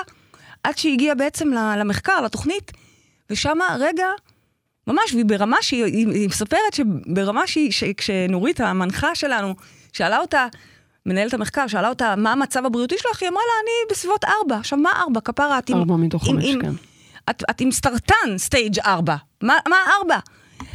זה אפילו לא היה בלהיות במשבר, אוקיי? כי זה להתנתק ממנו, להדחיק אותו. בדיוק, כי אנחנו כל כך כל כך לא רוצים להרגיש את זה. אבל לא, פה אנחנו לומדים הפוך, תהיה בזה רגע, תשב שם, רגע יכול גם להיות הרבה רגעים, זה, תהיה שמה. אם כבר מגיע שבר, שוב, אנחנו פה בשיחות בגן עדן, אבל אם כבר מגיע שבר, אל תנסה מהר מהר לכסות את הביצה חזרה. לא, תן לאפרוח לצאת משם. תן לקקון להישבר ולפרפר להיחלץ. כן. אני חושבת שההבדל המשמעותי, לפחות אני מדברת בשמי, הוא באמת איזושהי הבנה וידיעה שזה לצורך. איזושהי הבנה וידיעה בטח. שאתה עכשיו תסמוך, תסמוך, זה נראה מאוד אה, קשה אולי, או כואב, אנחנו יכולים למצוא את עצמנו בכל מיני סיטואציות, אבל תסמוך שאתה יוצא מפה גדול יותר, מפותח יותר, חזק יותר, וכמובן, אולי אפילו גם להבין שבמקום מסוים אנחנו בחרנו לעבור שם, אולי לא במודע, בטח. במטרה לגדול. אנחנו זאת הגבוה. אומרת, אין את מי להאשים, קודם זה כל. יותר מזה, זה אנחנו הגבוהים. כן. זה החלק האלוהי שבנו, שלא מוותר לנו על עצמנו במקומות שאנחנו ויתרנו כן, כי על פחדנו. על אני לא, התפתחות. אני מעדיפה לא כן. לצאת מהבית, נקודה, אוקיי?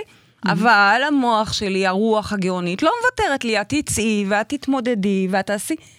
אז לא להיבהל מהמקומות האלה, אוקיי? גם אם זה קשה, בטח, זה לא קל. אז זה העניין בכלל, לא להיבהל מזה. לא להיבהל. נכון. לפעמים מגיע רגע קשה ואנחנו באמת, אנחנו נבהלים, חוויה של איך אני אתמודד וזה גם עם זה, איך בסדר אני אם אצלח כן את זה. ניבהל, כי זה חלק מהעניין, בסדר, המשבר אבל הוא כל כך לזכור שאנחנו מטלטל. נצלח את זה. בדיוק, אנחנו נצלח את זה. זה בסדר לבכות, זה בסדר לכאוב, זה בסדר לעבור בכל מנעד הרגשות, אבל בסופו של דבר תזכרו שזה מעבר, זה רק מעבר אל מסתורין חדש, אל איזשהו אזור אל מקום טוב יותר. שאנחנו רוצים לגלות. כן. אוקיי? בשבילו בכלל הגיע המשבר. יש שם הפתעה בתוך הביצת הפתעה, לא משנה שזה הפתעות בשקל, אבל יש שם הפתעה, אוקיי? אוקיי. זהו. אנחנו מבקשים, בעצם הכוונה שלנו היא שהמשברים שלנו יהפכו מאבל ליום טוב.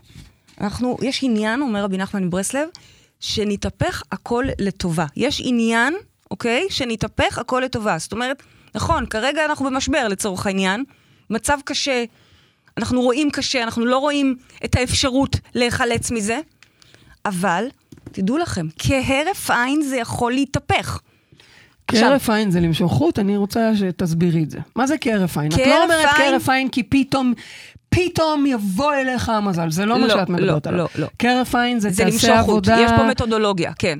והיא לא קלה. אני יכולה, עוד פעם, אני, אני אקדיש לזה תסבירי זמן. מה זה כהרף עין. כהרף עין, זאת אומרת שברגע שאני אבין את הדיוק הפנימי שאני צריכה לעבור, אגב, לפעמים זה גם לוקח זמן. לפעמים משבר זה לא תוך שנייה תמשוך חוט, תסתדר. לפעמים רגע תשהה שם, תעבור שם. תבכה, תתאבל, תמשיך הלאה. זה גם בסדר. כן.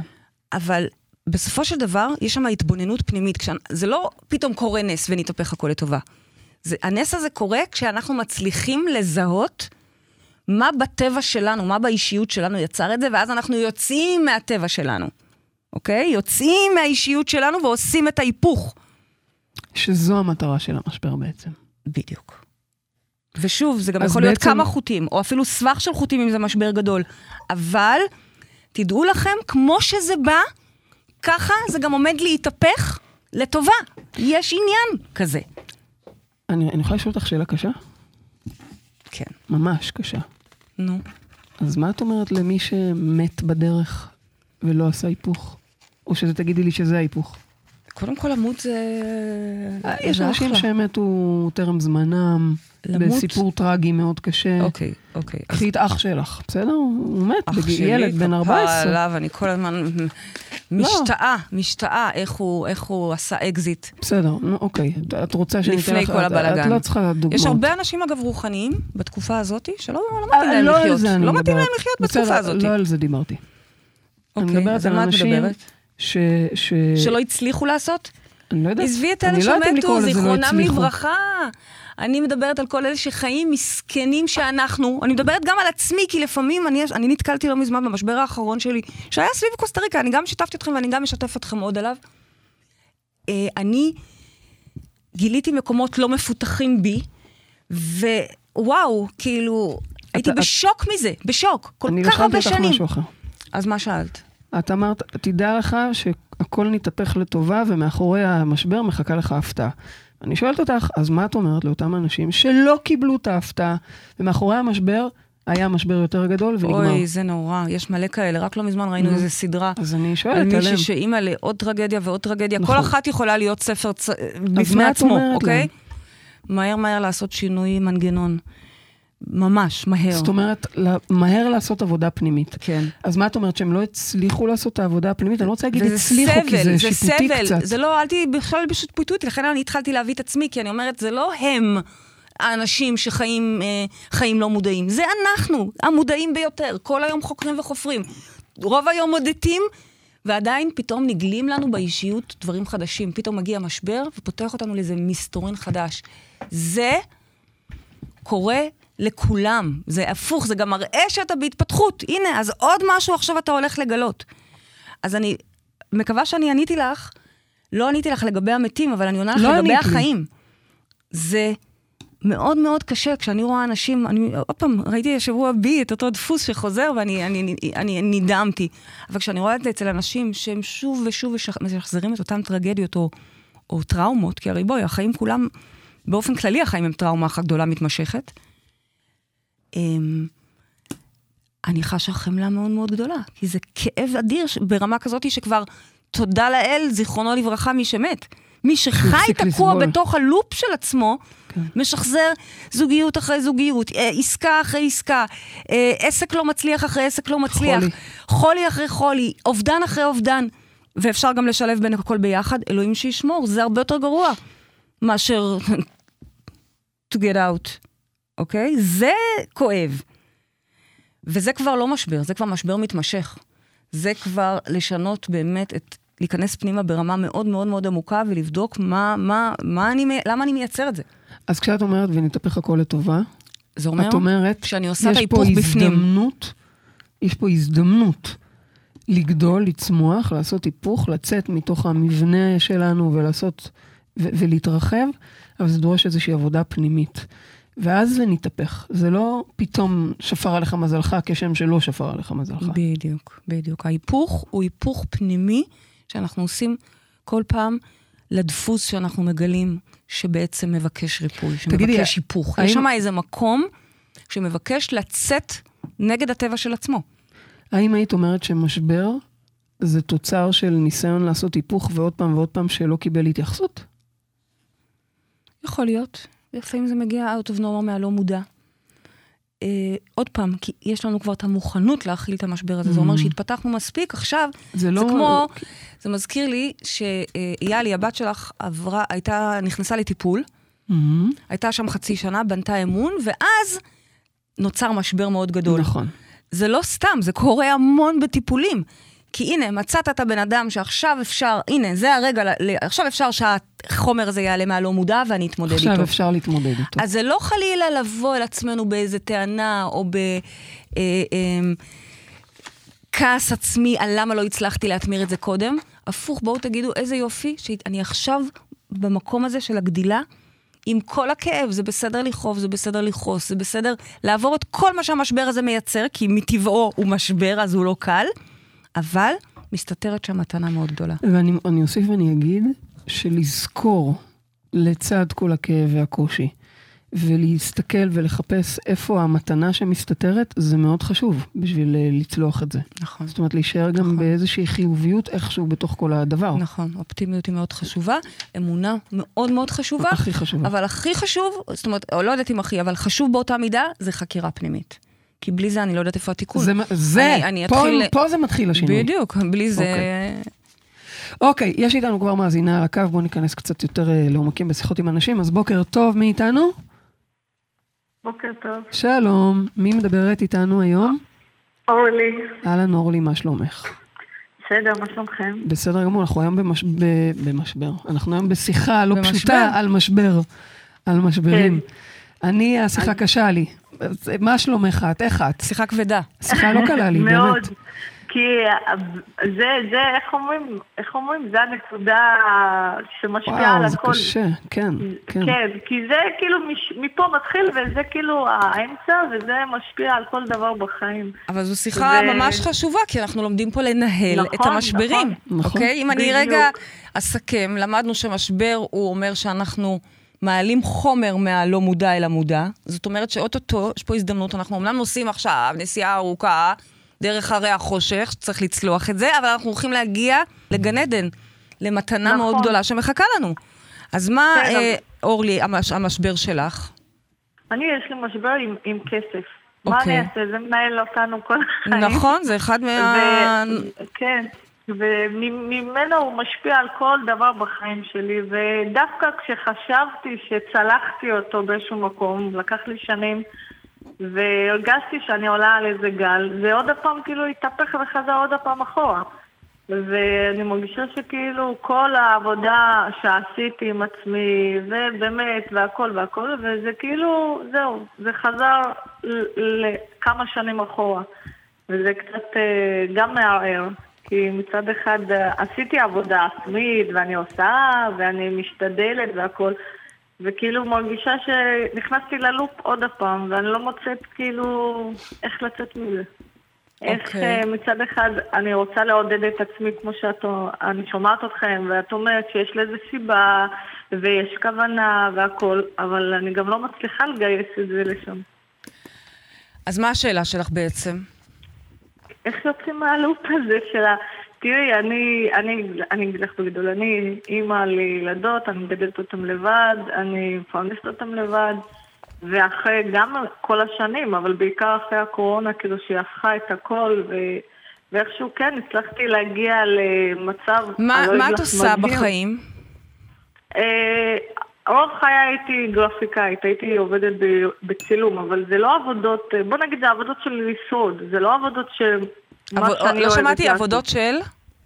לשרוד, להכניס כסף אוקיי, הביתה פרנסה, ככה- הבית. אוקיי, אוקיי. כן, זה לא זה לא ההגשמה שאני- שלך.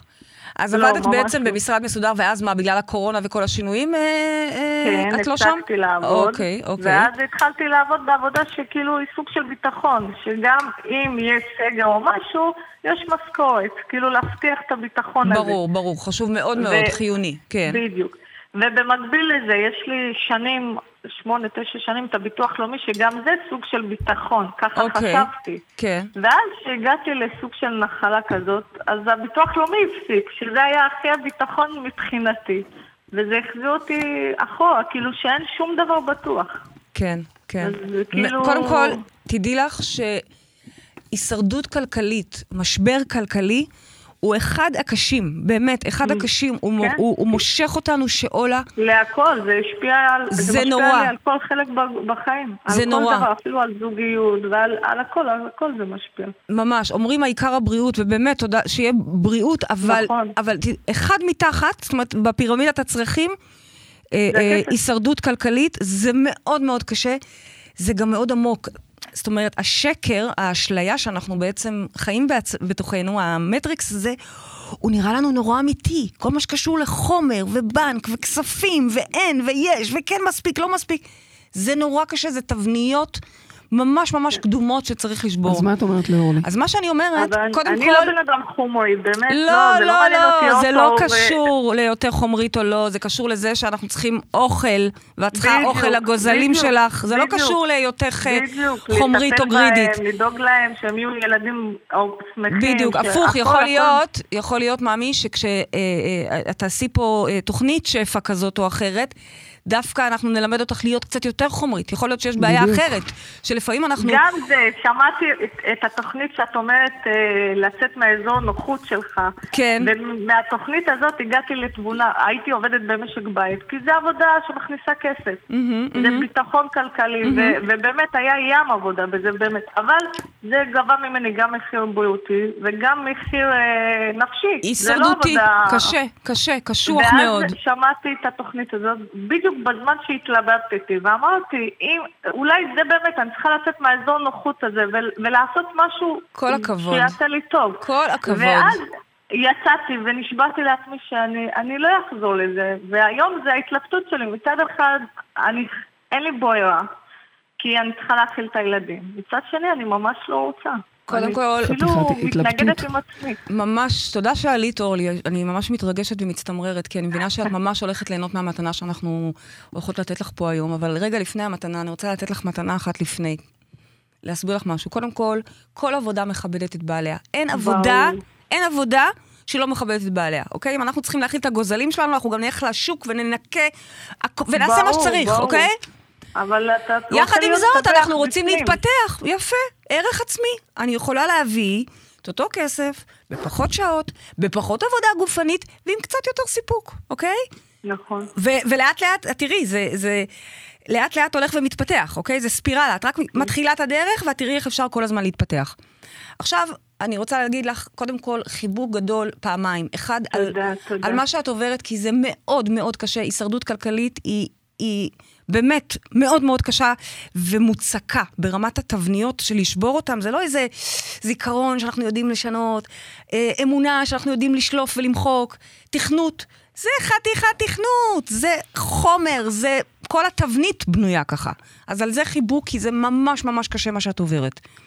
תודה. לא, לא פחות אגב, אם, אם היית מספרת לי חלילה שאת חולה או משהו כזה, אוקיי? זה חולי פיזי, הוא פשוט לא נמצא בגוף, תודה לאל, אבל הוא נמצא בגופים החומריים אני- שלנו, אני- בבנק אני שלנו, בבית. שלנו. אני אספר לך שגם אימא שלי חד-הורית, והיא גידלה אותנו לבד. ואני רואה כמה היא חולה, מ... גם מבדידות שהיא ויתרה על החיים שלה, וגם אבל שנייה, אני מהעבודות רוצה, האלה. ו... אני רוצה, סליחה שאני קוטעת אותך, כי יש לנו זמן נורא נורא קצוב, ו- וחשוב לי לענות לך, אוקיי? אה, כן. ברור לי שזה גם הולך אחורה לדורות ולאימא ואחורה. אין לי ספק שאנחנו לומדים את הדברים האלה משם. את רק מחזקת את זה שזה תבניות מאוד קדמוניות. נכון. אני רוצה לתת לך כאן טיפ, מה את עושה עכשיו? אז אמרתי לך, כל הכבוד פעם אחת, וכל הכבוד השני הוא שאת מסכימה לקחת את ה... לצאת רגע מאזור הנוחות שלך, לעבור בתוך המשבר הזה של באמת שאלות קיומיות של את לא יודעת מאיפה תשלמי את השכירות, אני מניחה, או, או, או את הצרכים הקיומיים, ולשאול את עצמך עכשיו, עם הקושי, ועם הפחד, ועם ה... מה שאת לא עוברת, חרדה, עצב, עלבון, כי זה הרי גם נורא מעליב, זה נורא מעליב. כאילו, אלוהים, אני כזה בן אדם טוב, אני כזאת אימא טובה, בלה בלה בלה בלה בלה, אמיתי, כן? זה ממש מעליב. וקורבנות, יש פה שלל של תכונות שאנחנו עוד נעבוד עליהן לעומק, אורלי. אני רוצה שאת תתחכי ותנסי להבין שני דברים. אחד, זה מה התודעה שלך, הנשמה שלך, החלק האלוהי שבך רוצה, באמת, אל תעני לי עכשיו, זה עמוק. אני רוצה שתחשבי על זה, ת, ת, תחקרי את זה. עוד מעט אני אתן לך את הפרקטיקה, או יותר נכון, אלימור תגיד לך איך נעשה את הפרקטיקה של זה, אבל אני רוצה שתחקרי מה בעצם, מה הנפש מבקשת מלמטה, מתחת לשברים. ולא פחות חשוב מזה, איזה דפוסים התנהגותיים בך משמרים את המצב כפי שהוא. אז אומץ, כבר למדנו שיש לך, תודה לאל. אבל האם, שוב, אל תעני לי כרגע, אבל אני רוצה שאת תחקרי ואנחנו נלווה אותך בחקירה הזאתי, האם את קורבנית?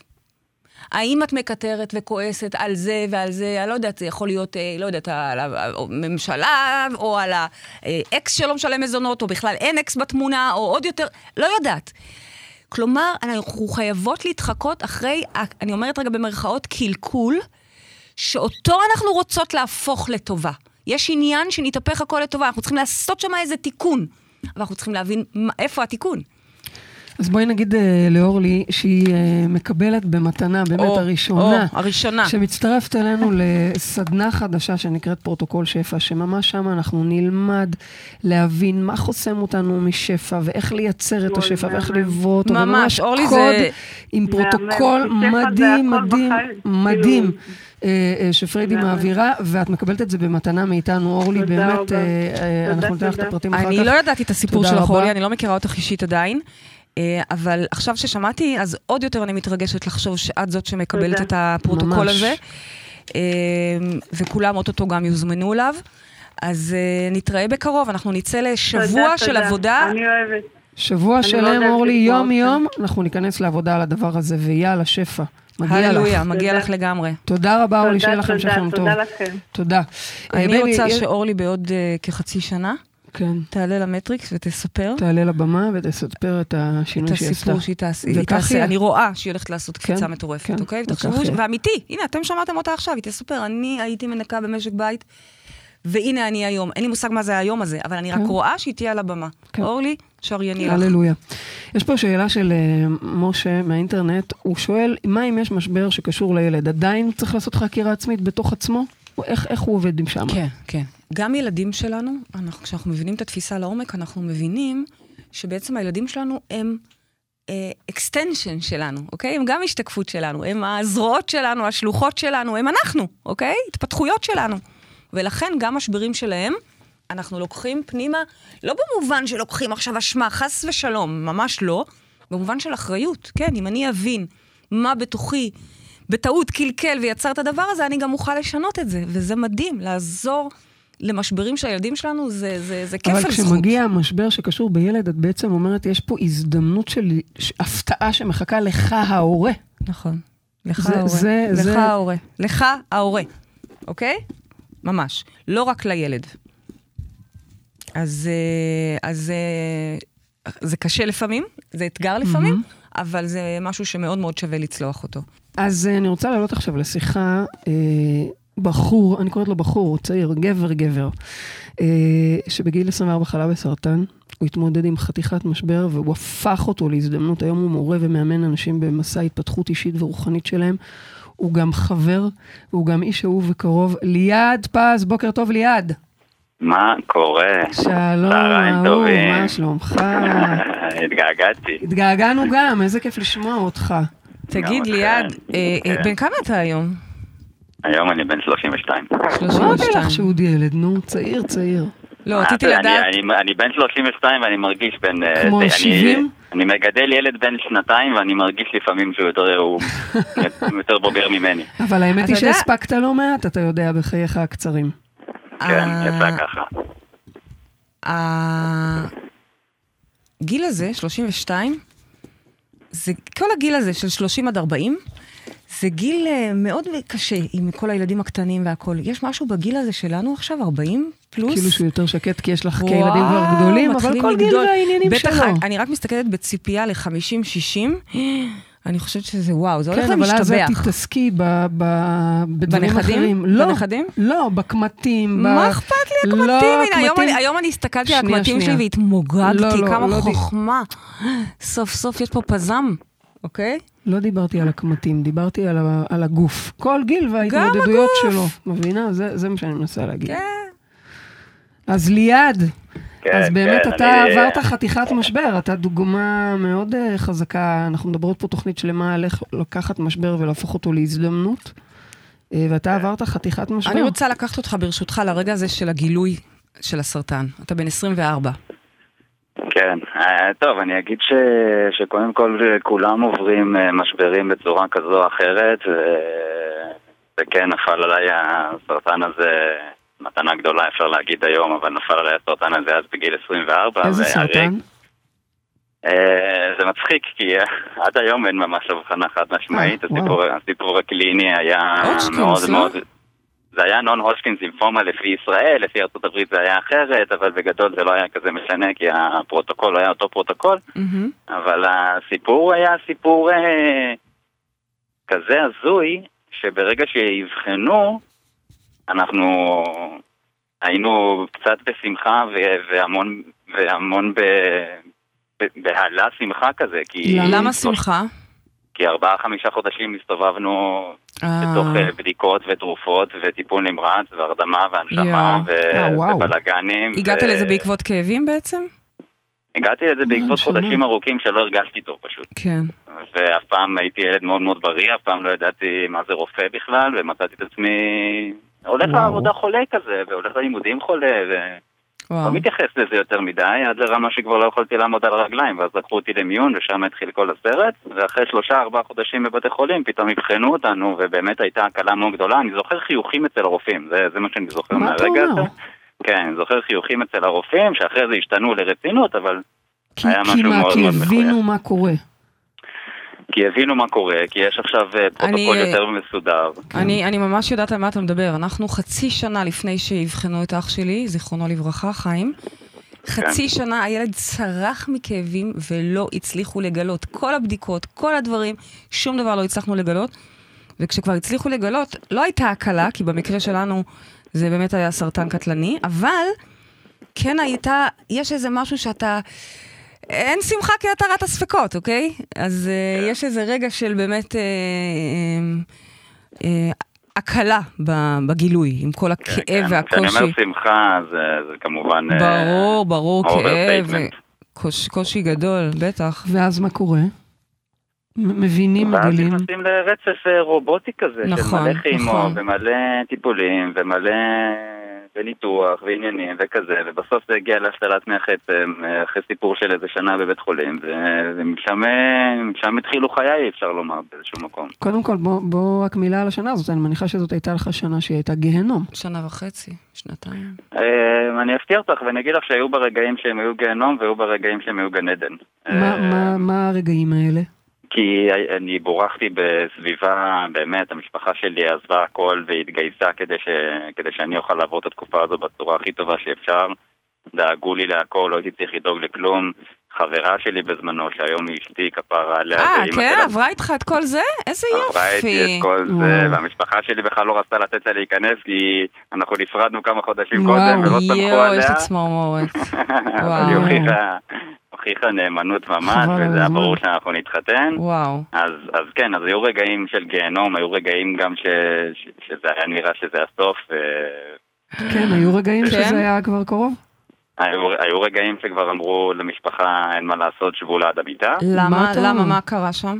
כי שום כימו לא עבד והמצב אה, של המחלה היה כל כך פעיל שלא יכולתי להיכנס להשתלת מח עצם, אז פשוט יואו. אמרו, שבו ליד המיטה, אנחנו נזרוק עליו כל מיני תרופות בתקווה שמשהו יתפוס. ויחזיר את הגוף שלו למצב שהוא יוכל אה, אז תגיד לי, עד מה, להיכנס בכלל להשתלה. מה לדעתך פתאום שינה את הדברים? שפתאום, פתאום כן יכולת להיכנס ל- להשתלה? וואו. ופת...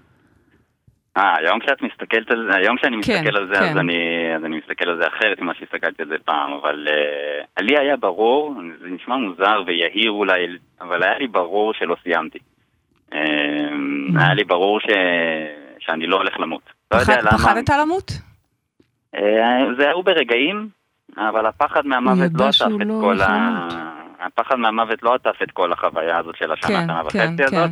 היו רגעים של פחד מוות, כשהחום היה מאוד מאוד גבוה, כשהיו כאבים מאוד מאוד חזקים, כשהרופאים נראו חסרי אונים, אז היו רגעים של פחד מוות, כן. אבל uh, כשאת שואלת אותי בחוויה הכללית, אז היה לי ברור שלא סיימתי.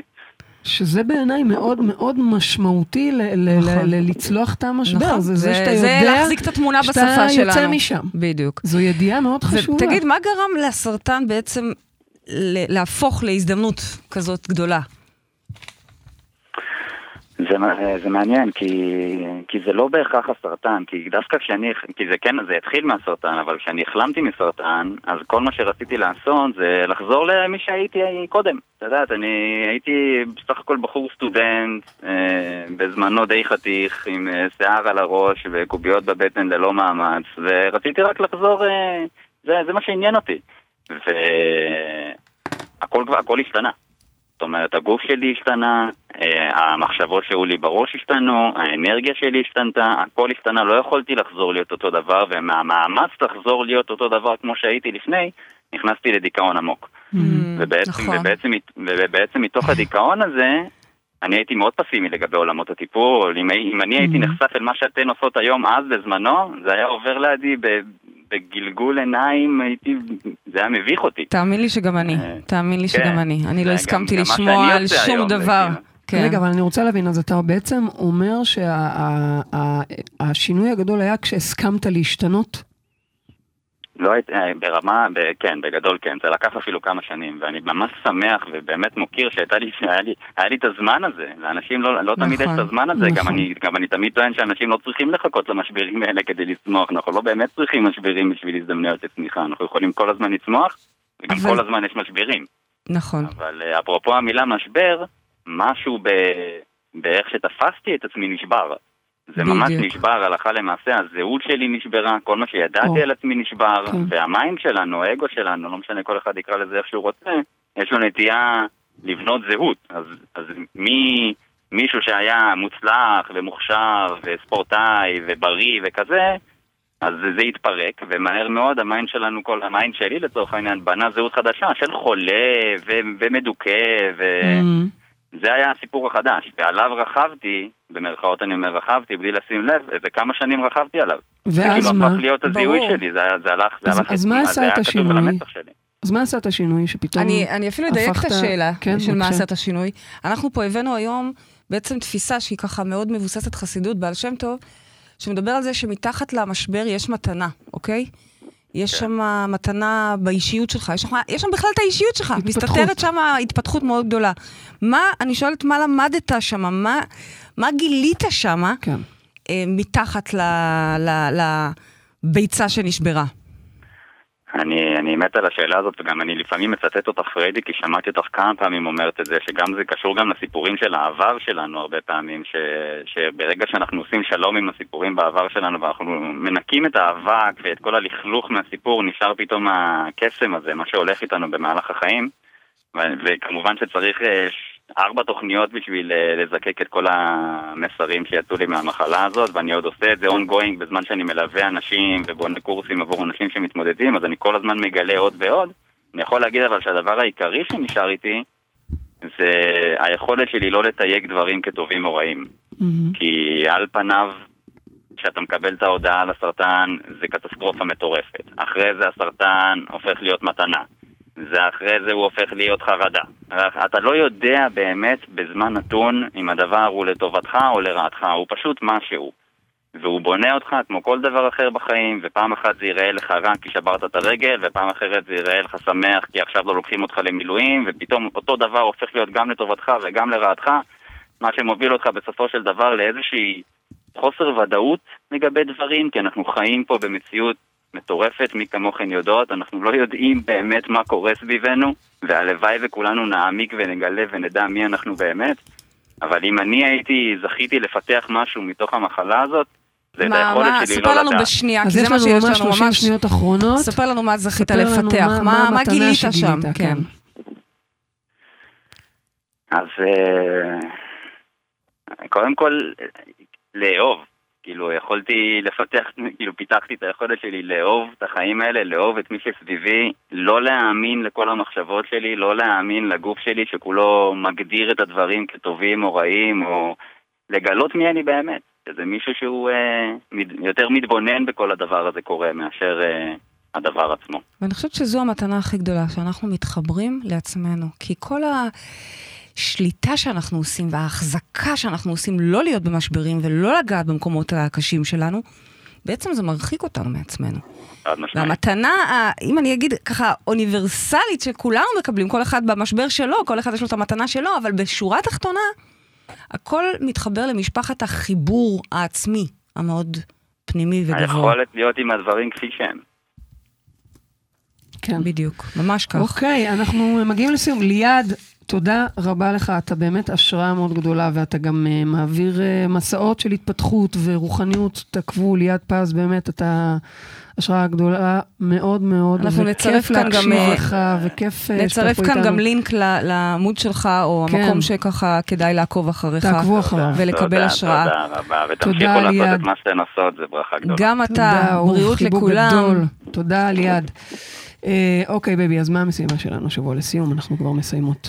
אני רוצה שאם למישהו יש משבר, ושוב, משבר זה לא חייב להיות טרגדיה, זה גם יכול להיות אה, משהו קטן, אה, משהו התקלקל עם אחותך ורבת איתה, משהו פתאום לא נוח עם הבן זוג, קשה בדירה, רוצים לפנות אתכם, זה לא, אל תלכו לדברים הכי טרגיים, כן? כמובן שמי שמתמודד עם משברים קשים, אז עוד יותר. אני רוצה שתגלו מה שם צריך תיקון. יש שם משהו שמבקש להתפתח. תסתכלו באמת באמת בכנות, לא החוצה, לא הוא, לא הם, אבל לא הוא המצב. אמר. לא, אבל היא עשתה. לא. אבל הם. בתוכנית הבאה אני אספר לכם על משבר שאני חוויתי ממש ממש לאחרונה.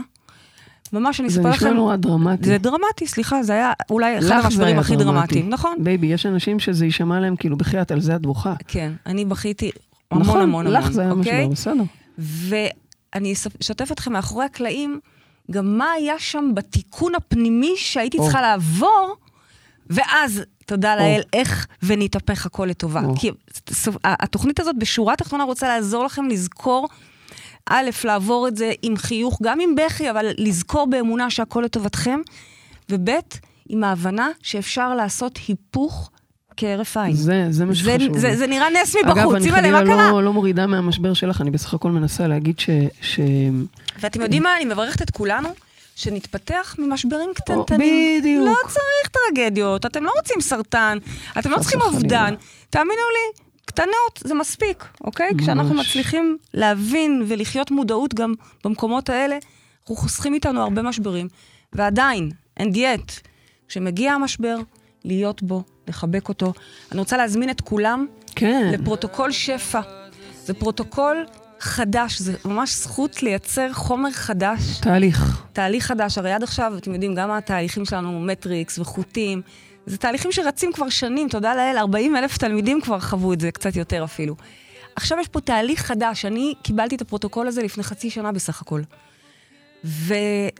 וקסמים קורים איתו, ואני רוצה לחלוק את זה גם איתכם. אז ממש כאקט חברתי מתוך המצב המשברי, להוביל פה מהלך. בדיוק. בגלל המצב שיש כרגע, בא לנו לחוות את זה במסה קריטית, לכן אנחנו גם, באמת, נתנו את זה נכון. הורדנו במחיר... את המחיר למחיר- אלימור, תודה למנכ"ל, נתנה לנו את זה במחיר שיוכל לאפשר למסה קריטית לעבור את זה. שבעה ימים רצופים איתנו, ו... כל יום עוד עבודה, כל יום עוד חקירה, כל יום עוד הטמעה.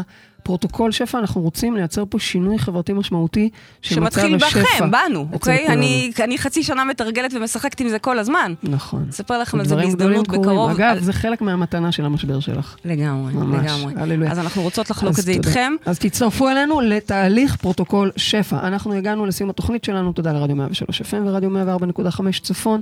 תודה לעורכת מאירה פרץ וטכנאי השידור יובל גלבוע ובני שאולסקי. תודה לכל מי שהתקשר, תודה לכם מאזינים יקרים, תודה לך אהובה שלי פריידי מרגלית, על כל השפע שאת... שאת מביאה, שאת חולקת איתנו.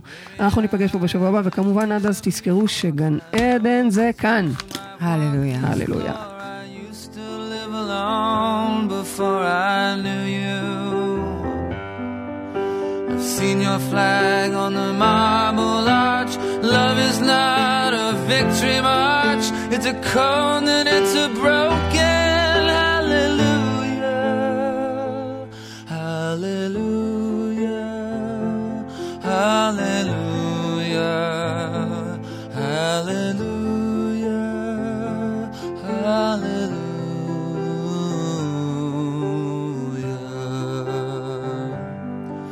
There was a time you let me know what's real and going on below, but now you never show it to me, do you? Remember when I moved in you, the holy dark was moving too, and every breath